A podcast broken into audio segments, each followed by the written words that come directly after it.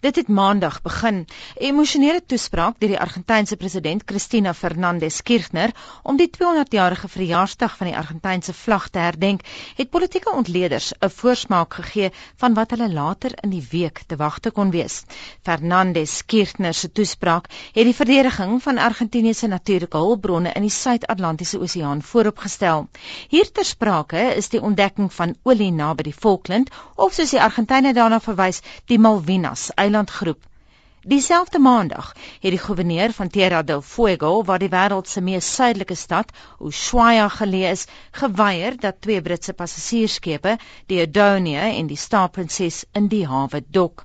Die skepe het onder 'n Bermuda en nie 'n Britse vlag gevaar nie. Die onafhanklike Latyns-Amerikaanse ontleder, Zelia Roloff Campbell, glo die Argentynë stook nou vuur waar hulle liefs nie moet nie. The Argentinians are over emotional over the whole thing about Malvinas Falklands. The military were totally humiliated. The question of national pride, the morale in the military has still not recovered. Dinsdag is nog 'n verbale skoot oor die Atlantiese Oseaan na die Britte gevuur. Argentinië se minister van Handel, Deborah Giorgi, het in Buenos Aires met 20 van die land se top sakelei vergader om hulle te vra om nie met Brittanje sake te doen nie, maar eerder handelsbande te smee met lande wat Argentinië se soewereiniteit oor die Falkland Malvinas eilandgroep respekteer. Die Britte het snel gereageer. Die Argentynse charge d'affaires in Londen, Osvaldo Marsico, was op die diplomatieke rooi tapijt om te verduidelik.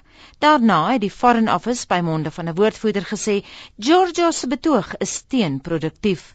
Roloff se Campbell het die week sterker woorde gebruik om wat sy as 'n taktiese fout beskou te beskryf. I think it is illegal in terms of the World Trade Organization that the government is now encouraging business not to allow imports from Britain to come into the country. It's not legal, you know. Brittanje is Argentinië se 60ste grootste belegger en dis sou enige stappe die Argentynë waarskynlik ekonomies erger knou as die Britte.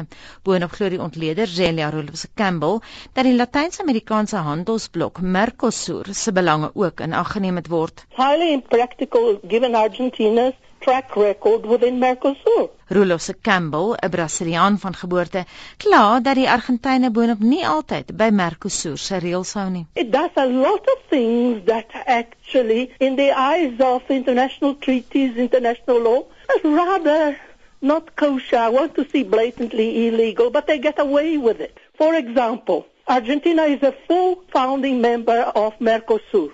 They have a common external tariff. What Argentina has been doing is putting barriers on Brazilian products.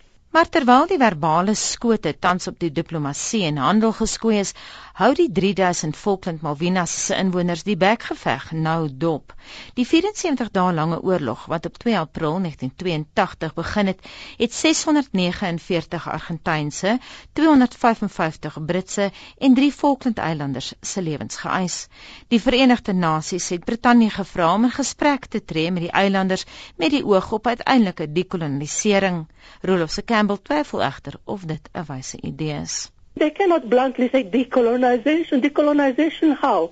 What's going to happen to the 3,000 or so inhabitants of the Falklands who are British citizens?